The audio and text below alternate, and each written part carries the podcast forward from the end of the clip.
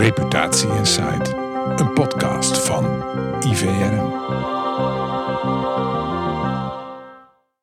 Welkom bij weer een aflevering, een sportcast-aflevering van Reputatie Insight. Vandaag hebben we een andere gast dan Abdelila. We hebben collega Marieke Villa. Welkom Marieke. Dankjewel, Stef. Marieke weet niets van sport. Dat is Nee. niet helemaal waar, maar wel heel weinig. Hè? Eh, maar heeft zich de laatste tijd ernstig in sport verdiept. Omdat ze natuurlijk ook eh, onderdeel uitmaakt van ons sportclubje. En dan vanuit een hele andere invalshoek kijkt. En dat zal in de loop van de podcast wel duidelijk worden. En natuurlijk onze vastgast Frank van der Wal Baken. Frank, welkom weer. Ja, Leuk dat je er leuk weer hier te zitten. Eh, ik wou even openen met ehm, waar we gisteravond allemaal zijn geweest. Namelijk bij Ik Ben V van eh, Barbara Barend. Marieke, wat vond jij ervan? Oh, ik vond dit ontzettend indrukwekkend. Want? Heel interessant, maar ook echt wel schrijnend. Ik heb hier het onderzoek voor me liggen. Oh, wacht heel even. Laten Mag we ik al? even. eh, eh, ik ben V, hè? Ja. Initiatief van Barbara Barend. Die stelt, eh, laat ik het even zo zeggen, dat er meer gelijk, gelijkwaardigheid moet zijn. Vrouwen, mannen, voetbal. Ja. Pleit ook voor, hè? We hebben al eerder in de podcast gehad hier eh, met Frank over. eh, ze, hij pleit voor andere lingo. Ze pleit voor, je moet het ook mannenvoetbal noemen. En ik ben V is daar echt de aftrap van geweest. Dat heeft ze gisteravond gedaan in Amsterdam.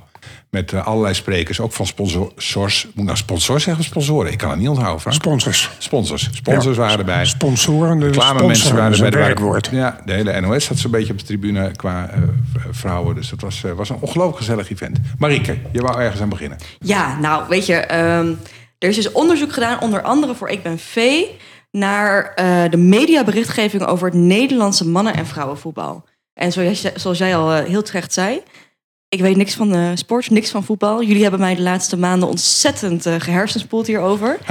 Eh, maar dit vond ik wel een ding hoor. Ik zal er even iets uitpikken. Ja. Ehm, over hoe wordt er over de vrouwen-eredivisie en de mannen-eredivisie geschreven en gesproken. 97% van de koppen boven artikelen over vrouwen-eredivisie bevat een referentie naar het vrouw zijn. 97%. Ja.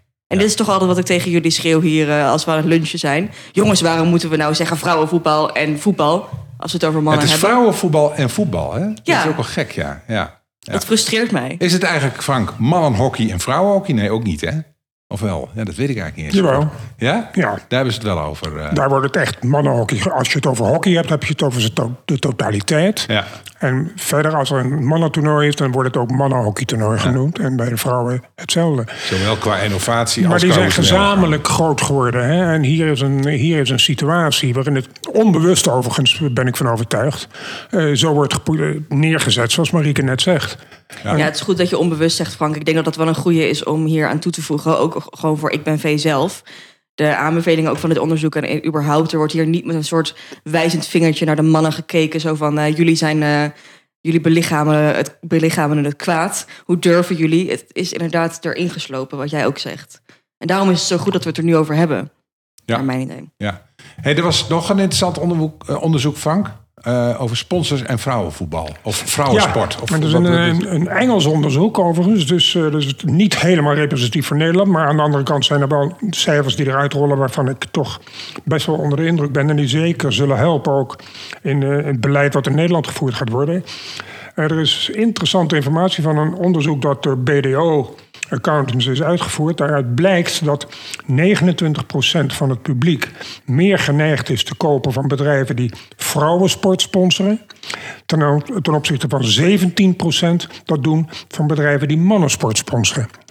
Dat zijn behoorlijke cijfers. Dat zijn cijfers die toch behoorlijk onder de indruk zijn. En dat geeft aan dat al die onzin die wordt uitgekraamd door de sport van... ja, we kunnen de vrouwensport geen aandacht geven, want we kunnen geen sponsors vinden. Dat is dus je reinste onzin. Nou, in ieder geval, met dit onderzoek in de hand naar binnen gaan, dan is het dus helemaal Exact. flauw. Integendeel, het tegendeel is naar mijn stellige overtuiging waar. Zeker in de wereld van vandaag waarin we leven. Dat ik ervan overtuigd ben dat een sport, als ze de vrouwensport meenemen in hun propositie... dat ze dan meer sponsors zullen vinden dan voorheen. Ja, ja. Maar ik had je nog meer interessante dingen gisteravond. Want eh, er waren vast nog wel wat dingen vermeldenswaardig. Oh, zeker. Ik wil hierop aanvullen. Ik weet heel eventjes de cijfers niet meer uit mijn hoofd, Frank. Maar misschien heb jij ze wel opgeschreven.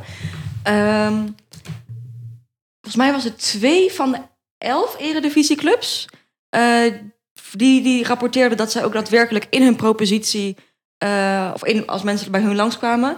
een propositie van vrouwen kregen. Zoiets was het, toch? Ja, Ja. Ja, dat vond ik ook erg opvallend Ja, eigenlijk. dus, eh, ja. Zeker hè, als je dat Ja, combineert met natuurlijk, deze want als je gewoon puur marketingtechnisch denkt, doelgroepgericht denkt, dan weet je dat vrouwen hier en daar andere, doelgroep, eh, andere producten eh, voor gecharmeerd zijn dan de mannen.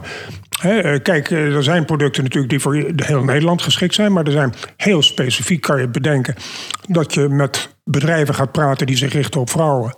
Of bedrijven die zich richten op mannen. Waardoor je een, ge- ja, noem het maar, een gespreid sponsorbeleid kunt voeren binnen een BVO, betaald voetbalorganisatie.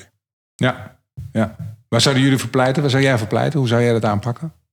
Ehm, ik zou. Concreet? Ja, wat, wat, wat Ik Ben V ehm, vind ik een heel goed initiatief.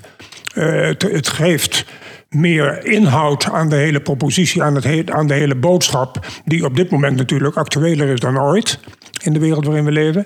En ehm, ja, de, de sportwereld op zichzelf loopt meestal achter de feiten aan. De sportwereld heet modern te zijn, maar ik ken geen conservatievere wereld dan de sportwereld. Dus die, die moeten beseffen dat ze iets in handen hebben eh, wat ze nog niet benut hebben. Ja. Gek ook dat die sportwereld zo conservatief is, vind ik altijd. Ja, maar het wordt geregeerd door, en nu overdrijf ik en nu generaliseer ik, en het is ook een beetje populistisch wat ik nu ga zeggen, maar er zit wel een kern van waarheid in. Het is natuurlijk toch de Blazerbrigade. Ja. En, en het woord Bobo is ontstaan Ja, ja, ja. door Ruud Gullit, die in mijn ogen terecht een soort ja, karakteristiek, karakteristiek maakte van de bestuurder van de sport. Ja, grappig eigenlijk. Bobo. Marieke, Maar hebben we dan- nog meer cijfers? Oh, zeker. We leuk. willen cijfers, Oké, we willen onderzoek. cijfers, sorry. Ook heel leuk om te zien. Ehm, in de afbeeldingen, hoe worden vrouwen en mannen eh Ja, die ook Eredivisie- leuk. Ja, die was leuk, Vertel, toch? Eredivisiewedstrijden, hoe worden zij neergezet? Nou, de vrouwen zie je vaak in ehm, eh, passieve foto's, maar bijvoorbeeld ook ehm, dat ze aan het knuffelen zijn. Twee vrouwen op het veld die hebben gewonnen, lachen en knuffelen. Helemaal schattig, helemaal leuk. Terwijl mannen in eenzelfde soort situatie actief achter een bal aanrennen. Ehm, dit klinkt een beetje Ja, alsof je een soort labrador hebt, maar goed, jullie begrijpen wat ik Ja. bedoel. Ehm, nou, daar zijn natuurlijk ook weer cijfers bij. Bij de mannen bevat 56% van de artikelen met beeld een actiefoto. En bij de vrouwen is dat maar 16%. Wat heel gek is. Ja, en van die 16% ehm, waren er dus... Nee, twee derde was dus passief. En daar waren gewoon voldoende alternatieve foto's voor. In dezelfde beeldbank van dezelfde Ja, wedstrijd. want ze hebben ook onderzoek gedaan. dezelfde Want er werd er weer gezegd, hè, die beeldbanken, Ja. die beelden zijn er niet. En die Precies. waren er gewoon. Onzin, die waren er die. gewoon, precies. Ja, welke fotograaf neemt nou geen Dat. beelden van actieve sporters? Want dat is het Ja. mooiste wat er is. Ja. Ja, best gek. Ik Ook moest al- overigens vooral even lachen om je achter bal aanrennen. Dat was niet zozeer refereerd aan je eh, nog niet zo in de sport gedoken. Maar het is natuurlijk het grootste cliché over voetbal wat er bestaat. Hè? Ja, maar heel eerlijk, zo zie heb ik ik dit zo echt vaak eigenlijk. moeten horen. Ach, Oh, wat vind je er nou aan? Dat 22 heel eens achter een bal aanrennen. Ja, daar word je dan wel eens een beetje kregel van. Maar goed, Eh, laatste dingetje hierover. Wie heeft nog wat? Heb jij nog wat, eh, Marieke? Nog één dingetje. Nog meer Ja, ik cijfers? word ook een beetje, heb je nog cijfers? of Ik niet? heb altijd Of cijfers. Bevindingen? Bevindingen. Nou, misschien leuk. eh, als je een eredivisie voetbalwedstrijd ziet op tv... is de kans 91% dat het om de mannen gaat. Ja, nou, dat was hem eigenlijk wel. Ja. Die hebben we ook al eerder besproken, Ja. Frank. Hè? De, wat was het ook alweer? Eh, tijdstip van de vriendschappelijke wedstrijd Nederland-Polen, vrouwen, Ja. eh, was Op een mij- woensdagavond Ja, tegenover een tegenover Champions League. Champions op League een wedstrijd betaald van kanaal Manchester City. Ja. Waar de, natuurlijk de hele voetbalwereld Ja. naar keek. Dus eh Nou, dat gaat er nog niet er helemaal valt worden. nog het een en ander te verbeteren. Maar goed, hey, hulde voor Barbara Barens. Ze trekt die kaart toch maar mooi even. En eh, nou, we wensen haar daar eh, ook vanuit hier nog even veel succes mee. Ja, laten we ook onze luisteraars oproepen om vooral eens... eh, Ja, eventjes. Ik zal het ook even in een noot zetten dat, eh, dat je er even naar kan kijken. En het hele leuke filmpje kan zien. Ja. Wat ze gisteren ook lanceerden. Eh, ik wil het hebben over Saoedi-Arabië. Toch maar weer. Qatar hebben we natuurlijk gehad. Eh daar zullen we ongetwijfeld ook nog iets over gaan zeggen. Maar het is weer onderwerp, Frank. Ja, kijk, Saudi-Arabië heeft heel duidelijk besloten, daar is iedereen het wel over eens, en daar is de hele wereld er eigenlijk het wel over eens, heeft gekozen voor sport als een middel om zichzelf nadrukkelijker te profileren als een modern land, een beschaafd land. Nou, we weten allemaal eh, wat er in dat land gebeurt op bepaalde gebieden, op mensenrechten, op het accepteren van mensen in geloof, in gedrag, in afkomst, noem het allemaal maar op. Eh, ze hebben de sport gekozen. Ehm, dus du moment dat het woord Saudi-Arabië valt in de sportwereld, komt er, ontstaat er nu een situatie waarin men het onmiddellijk veroordeelt. Nou, ik behoor daar ook wel enigszins toe, omdat ik natuurlijk ook het land ehm, niet alleen veroordeel om hoe ze zich gedragen, maar eh, dat ze denken dat met veel geld alles te koop is. En gelukkig zit de wereld nog niet zo in elkaar. Maar er is dus een hele interessante discussie nu gaande. Na alles wat ze al gedaan hebben in de Formule 1 en de Live Golf Tour. En met voetbal kopen ze de duurste, uh, weliswaar al wat oudere spelers. En clubs. Uh, en clubs. Uh, en de Spaanse bekerfinale die wordt voor 350 miljoen 350 miljoen dollar gekocht om in Riyadh te spelen. Waarmee die beide clubs, Spaanse clubs, zich ontvreemden van de fans. En ik vind nog steeds dat de band met de fans is de levensader van een sportorganisatie. Maar even los daarvan, er doet zich nu een situatie voor waarin um, de WTA, dat is de Women's Tennis Association, dat is dus eigenlijk de associatie die eigendom, eigenaar is van het vrouwentennis. Die zijn in gesprek, eh, nog niet veel verder dan dat, maar ze zijn in gesprek met Saudi-Arabië. Die heeft aangeboden om op de kalender te komen van het de Tour, de WTA Tour, om een, een van de grote toernooien, een, een duizend punten toernooi, dat is dus net onder de Grand Slam. Ja, ja. Nee, dat is net, net, onder, de, net onder, net onder de Grand Slams. ja. Om een toernooi te organiseren, jaarlijks terugkerend. Met natuurlijk gigantisch veel prijzengeld en met een, ongetwijfeld ook een fantastisch bedrag voor de WTA zelf. Nou, nu kan je zeggen van. Dan kan je twee standpunten innemen. Dan kan je zeggen, nou, de WTA staat er om het tennis te promoten wereldwijd. Dus ook in een land als Saudi-Arabië. Dus uh, elke euro die Saudi-Arabië in de tennissport wil pompen, is welkom. Aan de andere kant heeft de WTA natuurlijk ook een opdracht om te zorgen dat de condities van de sport ook goed worden gevolgd. En dat is in Saudi-Arabië natuurlijk niet het geval. Want vrouwen hebben nauwelijks of geen rechten. En als je dan met een vrouwen tennistoernooi komt in een land waar vrouwen ook nauwelijks of geen rechten hebben, dan is dat krom. Dat botst ergens. Dus ik zit zelf ook in een spagaat. Enerzijds zeg ik, als Saudi-Arabië het vele geld dat ze hebben en in de sport willen stoppen. En ze stoppen dat in de grassroots van de sport. Bouwen een infrastructuur in het land voor, in dit geval tennis. Zodat er overal verenigingen zijn waardoor vrouwen en ook meisjes kunnen gaan tennissen. Dan zeg ik, applaus. Prachtig. Ja, maar goed. Ga je gang. Dat is toch een stap. Maar tegelijkertijd eh, zeg ik, als Saudi-Arabië misbruik maakt van de kracht van sport om zichzelf te verbeteren als zijnde een modern land uh, en een land dat beschaafd is. Nou, dat zijn ze niet. Dus dan zeg ik nee. Dus ik zit zelf ook enigszins in een spagaat. Ja, ik moet heel eerlijk zeggen, ik, ik snap jouw spagaat, Frank. Maar ik ben hier dus wat sceptisch over. Um, hier hebben we natuurlijk uh, net ook al een beetje over gehad. Als het inderdaad zo zou zijn dat uh, de WTA was het, toch?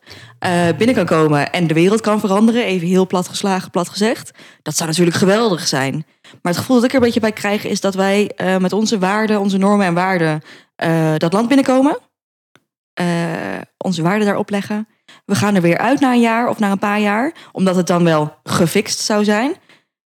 en dan zetten zij keihard te lachen. hebben zij hele mooie aandacht gekregen over de rug van sport. Um, en zijn we eigenlijk nog helemaal niks opgeschoten. Ja, maar moet je in de beoordeling van zoiets als dit toch niet ook enigszins rekening houden met de afgelopen jaren? Want er zijn al veranderingen gaande in het land. Vrouwen mogen opeens ook autorijden. Vrouwen mogen boodschappen gaan doen. Wat een uh, dus, dus er zijn inderdaad verbeteringen waarneembaar. Dat, dat zou kunnen leiden tot de conclusie, althans bij mij, dat het land in de goede richting is. En dan zou dit een extra zetje kunnen zijn om die rechten voor de vrouw en meisjes dus. Geldt het argument het niet, dan schaadt het niet, ook niet gewoon een beetje? Misschien wel. Ik zeg ook niet dat je het niet moet doen. Ik ben alleen echt sceptisch. Ik weet niet of, um, of het niet op een ander vlak moet beginnen. Ik denk dat sport inderdaad heel erg mooi het een zetje zou kunnen geven.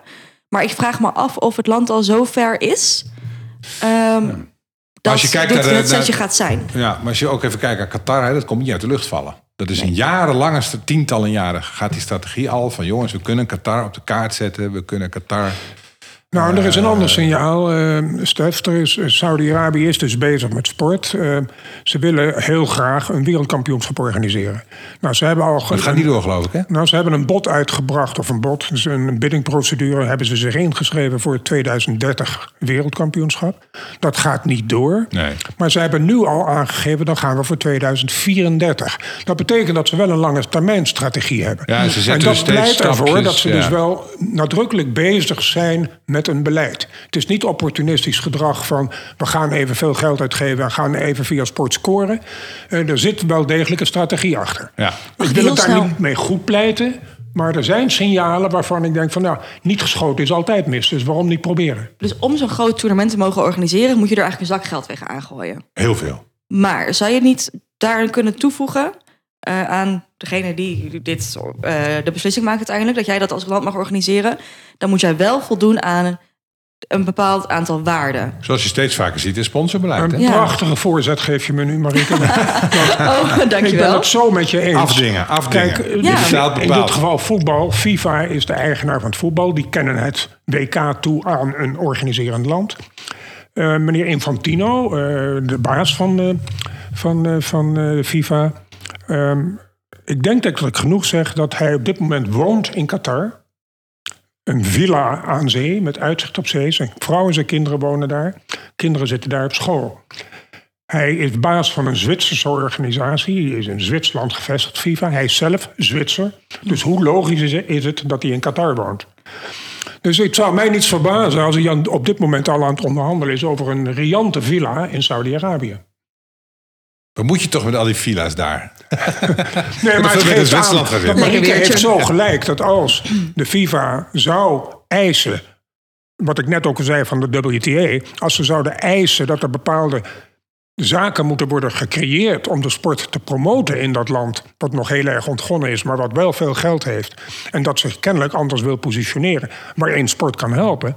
dan ben ik er een heel groot voorstander van. Maar dan moeten die criteria ook verrekte scherp zijn... Oh, en ook goed worden nageleefd. En ik vrees dat op dit moment in ieder geval bij de FIFA... dat niet het geval zal zijn zolang meneer Infantino daar aan het roer staat. Nee, maar ik denk wel dat dat de enige manier is om een soort duurzaam, duurzame omslag te maken in, nou in dit geval vrouwenrechten. in maar het vervelende is dat FIFA wordt geregeerd door het, het systeem van de FIFA... One Country, One Vote... En meneer Infantino wordt dus gekozen door alle landen in de wereld die lid zijn. Het zijn er geloof ik 174. Eh, een heel klein landje, met alle respect, in Afrika heeft net zoveel stemmen als Engeland, als groot voetballand of Duitsland. Eh, dus het is relatief eenvoudig voor meneer Infantino om al die kleine landjes Nou, zoals de hele tot- stand gekomen natuurlijk ook. voor, ja, voor zich te krijgen. En hij, hij kan strooien met, met, met, met Adidas-spullen die hij krijgt... omdat Adidas sponsor is van FIFA. En dan kan hij mooi weer spelen in al die Afrikaanse landen. Daarmee koopt hij stemmen. En het feit dat hij is herkozen recentelijk in maart... eh, zonder enige tegenkandidaat geeft dus aan hoe waanzinnig slecht zo'n FIFA... als notabene de bond, de internationale band van de grootste sport ter wereld... hoe slecht dat is georganiseerd. Maar hoe is dit mogelijk? Dit weten we toch al jaren? Ik bedoel, zelfs ik weet dit. Ik heb hier al eerder over gehoord en gelezen, en niet van jullie. Hoe is het mogelijk dat dit gewoon nog steeds door de beugel kan? Als dit een land zou zijn, als dit Nederland, als dit in Nederland zou gebeuren, nou, dat wordt een soort halve volksopstand. Het zou, dat kan niet. Ja, Hoe is het mogelijk dat we dit nog steeds accepteren? Je, je hebt helemaal gelijk. En die, die vraag hoe is dit mogelijk wordt constant gesteld. En niemand geeft een bevredigend antwoord. Dus één antwoord, denk ik, geld. Macht, gaat geld en macht. Ja, En dat loopt door elkaar. Corruptie. Nooit zo heel goed, het is gewoon corruptie. Ja, maar dat kan toch Wie zei ook alweer, absolute macht corrumpeert. Nee, macht corrumpeert. Absolute macht Ja. corrumpeert. Absoluut. Ja, dat is natuurlijk wel wat hier aan de hand is. Er komt wel een keer een dag dat het allemaal verandert. Maar dan moet er echt wel een bom onder gelegd worden. Dan moet er een ontploffing worden gebracht. Nou ja, dat gaat nog wel een keer gebeuren. En maar, eh, plat gezegd heeft niemand de ballen om die bom eronder te leggen of zo. nee, in Nederland gaat het wat sneller. Dat is volgens mij vorige week een klein beetje gebeurd. Dus eh, nou ja, mooi toch? Ehm, gewetensvraag, Marieke. Wil ik Oh van je jee, weten. oh. Als collega ook. Ja. Eh, Saudi-Arabië wandelt morgen binnen. Die zegt, zo Marieke, help jij ons eens even met deze reputatiestrategie over het voetlicht te brengen. Wat doe je dan eigenlijk? Ja, ik ga wel met ze in gesprek, Stef. Ja, het goed, klinkt hè? misschien een beetje raar in de, de context van wat ik net allemaal eh, heb uitlopen kramen. Daar sta ik ook achter, maar ik ben toch wel heel nieuwsgierig in eerste instantie wat ze van me willen. En misschien ben ik daar nog een beetje idealistisch in dat ik denk, goh, misschien kan ik wel iets veranderen. Heel met mijn communicatiestrategie. Nou, ik vind dat een goede, goede antwoord. instelling. Dank je. Ja, daar ben ik blij mee ook. Eh, tot slot wil ik eh, even praten over eh, DSM. En die wil ik eens even langs de meetlat leggen van onze reputatie-drivers. maar dat komt zo wel eventjes. Eh, er was een artikel. Ehm, wie wil daar eerst iets over zeggen? Over innovatie en gezondheid in de Tour de France en de voeding. Nou, kijk, het is, een, het is een heel mooi voorbeeld dat, dat sponsoring van sport meer is dan een zak met geld. Ja, Ehm veelal wordt sponsoring nog steeds gezien als iets van het creëren van naamsbekendheid. Je kan een logo plakken en er zijn camera's opgericht. En ik kom in beeld en dan krijg ik, creëer ik bekendheid bij de consument. Om het even heel simplistisch te schilderen. Eh, hoe langer hoe meer beseft het bedrijfsleven dat sport, gezien de populariteit van sport en de impact die het heeft op de samenleving en de impact die het ook dus heeft op een merk, op een onderneming, op de reputatie van een onderneming, dat een eh, sponsors zijn gaan beseffen, wij kunnen ook, behalve het geld, ook met onze core business, kunnen we wellicht scoren. Nou, je noemt het voorbeeld van DSM en de wielerploeg. We weten allemaal dat eh, wielrennen een zeer intensieve fysieke sport is. Dus als je in de business zit, zoals DSM, van voedingsmiddelen, gezondheid, dan is het ja, een ABC bijna om te zeggen van nou, wij kunnen met onze producten en onze innovatie en nieuwe toch producten. gebeurt dit heel weinig, hè? Het gebeurt nog veel te weinig. Ja, dat zie je bijna nooit. Ik vond het heel opvallend, eh, ja, dat dit. bedrijven hun core business vertalen naar de sponsormogelijkheden. Nou, hier, is het een goed, hier vind ik een fantastisch voorbeeld. Eh, het, het zijn die laatste vijf procentjes voor zo'n wielerploeg. Die worden bepaald door de voeding en de gezondheid van de atleten. Of ze een etappe kunnen winnen. Ja. Nou, Denk je dat ehm, een bedrijf of een, een organisatie meer ehm, een succesvollere sponsor kan zijn als hun core business aansluit bij de sport, zoals hier DSM of Nike eigenlijk ook, hè? Dat, denk ik zeker. Ja. Logica is een hele belangrijke. Hè, als een, ehm, laten we een voorbeeld noemen. Een pakketjesleverancier zoals eh, DHL of FedEx. Als die een marathon sponsoren, dan is dat logisch. Van A naar B zo snel mogelijk. Zij hebben een hele gave samenwerking met Coldplay gedaan trouwens, DHL. Ja. Ook leuk om op te zien. Oh ja, dat is ook Ja. wel ja, leuk. ja. Maar, ook in maar, het logisch. maar een, ja. een logica. Als, als je moet gaan uitleggen aan de, de wereld waarom je iets sponsort, dan begin je al met een 0-2 achterstand. ja. Weet je wat ooit een heel onlogische was? Even een zijstapje, maar die is wel heel leuk hoor. Een Rolex, hè? Dat is een heel duur horloge. Een Rolex loopt nooit op tijd. Die claim wordt dus ook niet gedaan. En een Rolex loopt echt nooit op tijd. Dat bestaat niet. Een Rolex die op tijd loopt, staat niet. Wist je dat? Swatch wel. Die altijd op tijd. Toch was Rolex heel lang hoofdsponsor van de Olympische Spelen. Het stond boven die klok. Het is eigenlijk een hele gekke...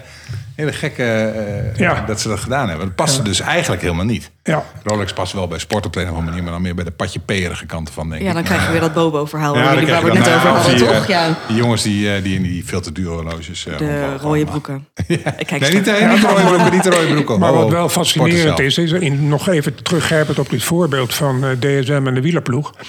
Ehm, er zijn mensen die zeggen fantastisch en laten ze zoveel, zoveel mogelijk geld stoppen in die voeding. Eh, maar de aandacht voor die ploeg wordt groter als ze ook winnen. Ja, dat zou dus de volgende stap moeten zijn, hè? Ja, dus ze moeten niet alleen maar zeggen... we zijn goed bezig en we maken die jongens gezond... en ze kunnen die etappes goed uitfietsen. Maar de koers wordt to- toch op een gegeven moment bepaald door wie wint. En die krijgt de publiciteit. Ja. En op dit moment is het wel zo... enerzijds juichen we op de, de wijze waarop DSM bezig is in het wielerpeloton. Aan de andere kant hebben ze nog geen etappe gewonnen. Dus de resultaten zijn nog niet dienovereenkomstig. Dus ik denk toch, als ik DSM op dit moment zou mogen adviseren, zou ik toch zeggen: ja, jongens, eh, ga door met die innovatie en de voedingsproducten. Maar misschien moet je het- geldbedrag dat je in die ploeg stopt iets verhogen, waardoor we ook een paar kampioenen kunnen en aantrekken. dan nog even trekken dat eens even door. Want eh, als je het hebt over consistentie. Ik, ik heb hem van jou. Hè? Eh, wat zei je ook altijd alweer? Karel Vuursteen van Heineken. Die zei, ja. consistentie is de basis van geloofwaardigheid. Geloofwaardigheid begint bij consistentie. Ja, dat. Ja. DSM is overigens opening. Fijke Siebersma van deze hele serie. is al jaren geleden. eh, zat Fijke toen nog CEO van DSM. eh hebben we een gesprek over gehad. Die zat toen al op innovatie. En op dit soort verhalen. En dan ging het weliswaar over eh, dierenvoeding. En hoe je daarmee de wereld eh, beter eh, voor elkaar bokste. Zeg maar. De footprint eh, verlagen. Dat soort zaken. Heel erg daarop. Dus de stap van DSM. Want ze zijn nog niet zo lang sponsor, toch? Nee, van eens. wielen? nee, nee, Nee, ja? ze waren al betrokken, maar in de schaduw. Ja, Nu maar zijn nu ze echt als hoofdsponsor. hoofdsponsor, dat is echt sinds kort. Nou, Ja. dan zie je, dat is consistent. Hè? Dus Ja. ook, wat Fijk is al lang weg. Absoluut. Dus ze zijn consistent. Maar nou is eigenlijk dus de volgende stap is Jumbo kopen of Jumbo overnemen. Want dan winnen ze ook nog eens. Nou ja, ze kunnen de ploeg behouden, want eh, dat vind Ja, ik ook ja. een stukje loyaliteit. Ja. Maar eh, trek één of twee echte toppers aan, waardoor ze eh, volgend seizoen kunnen meedoen voor het podium. Ja, hebben we dat ook gelijk opgelost. We lossen hier wel veel problemen op vandaag, hè, jongens. Tot slot. Oh, ik, was al, ik had al gezegd tot slot, maar ik ga er nog eentje aan plakken, want ik heb nog een paar minuten. De Tour Féminin gaat volgend jaar weer van start in Nederland. Ja, hiep, hoera. Nou, nogmaals, eh We gaan kijken. Sportleek. Ja, Ja, tuurlijk. nou, dat weet ik niet, maar... Ja, wel, daar Oké, duidelijk. Ik, eh, ik heb al geen keus meer, hoor ik. heb ik dit nou goed begrepen? Is dit nou serieus de eerste keer dat de vrouwen langer dan een dag mee mogen doen? Nee. Oké. Eh, in de jaren tachtig is geëxperimenteerd dat zelfs de vrouwenkoers, dit is wel grappig, eh, hele analogie aan deze hele sportcast en aan wat we net allemaal bespraken. Eh, de jaren tachtig, ik heb het net opgezocht hoor, maar ik wist het ook nog wel een beetje, hebben ze de Tour Féminin was het toen, die hebben ze precies dezelfde Tour laten rijden als de mannen. Is een paar jaar gelukt, daarna werd het toch niks, want het was allemaal niet genoeg belangstelling en weet ik veel. Toen hebben ze nog een experiment gedaan, Frank, met een paar dagen. Dat, Ja. dat, acht dagen geloof ik, dat werd het ook niet. Want er waren geen sponsoren voor. Nou, in het kader van het onderzoek wat je net vertelt... de tijden zijn veranderd, hoppakee. Dus misschien is dat wel hè, gevolg. En ze hebben nog geprobeerd een paar eendagskoersen. Maar ja, dat zijn gewoon wielrenwedstrijden. Dus dat werd niet Ja, zo dat waren gewoon eigenlijk klassiekers. Dus, Ja. Dus ze gaan nu weer eigenlijk verder met een aantal dagen. Het zal allemaal weer Acht dagen. zijn. Ja, acht dagen. Ja. En, en, en volgend jaar start hij in Nederland. Eh, dat Ja. heeft natuurlijk alles te maken met de enorme successen dit seizoen van de Nederlandse dames Ja. eh, in het peloton. Demi Vollering en. Annemiek van Vleuten, om maar een paar te noemen. Eh, dus eh, Nederland is toegewezen, de organisatie van de Tour start volgend jaar eh, in, eh, eh, ze gaan Breda, Dordrecht en Rotterdam aandoen. De start zal in Rotterdam zijn. Dus dat is eh, erg mooi, dat is erg leuk. En de finish in- in- natuurlijk in Parijs. Eh, de, het is de bedoeling dat de, de Tour de Féminin start op de dag dat de mannentour finisht. Oh ja. hey, dit vind ik eigenlijk ook wel goed. Dat je het niet naast elkaar laat bestaan. Ja, ik mensen ook. verplicht laat kiezen. ja. eh, maar dat je echt een eigen moment creëert voor deze tour. Ja. Ja. maar weet je wat ik dan waarschijnlijk toch zou prefereren? Dat ze de vrouwentour eerst zouden doen en de mannentour twee. Dat zou het statement van het jaar kunnen zijn. Ja, daar ben ik het wel mee eens. ja. Oké, waarom? Omdat nu is het een beetje boter naar de vis. Ja. Ah, De Tour ja, is wel een hoogtepunt van het jaar, hè? In het wielrenland, toch? Ja. Dat kun je Ja? wel stellen. Ja, jawel, Ja. jawel. Zelfs voor mensen... en Ik ben helemaal niet zo'n wielren-fan, maar ik volg de Tour wel. Ja. Maar als mensen echt zo into de wielersport zijn, denk je niet dat dit gewoon een, een soort extra verlenging is van hun favoriete Nee, sport? wordt het niet gezien. Nee, Oh, ik is denk inderdaad dat Frank gelijk heeft. Het is goed, we doen draait toch een keer om. Maar ja, dat kan allemaal nog. Ja. Dat is een goede stap, toch? Ja. Nou, we gaan er naartoe volgend jaar. We gaan het zien. hey, ehm, mag ik jullie hartelijk danken. Marieke, het is me goed bevallen. Dankjewel, Met een Stef. welkome aanvulling in deze sportcast. Leuk om te horen. Dank Ja. jullie wel. Hartstikke goed.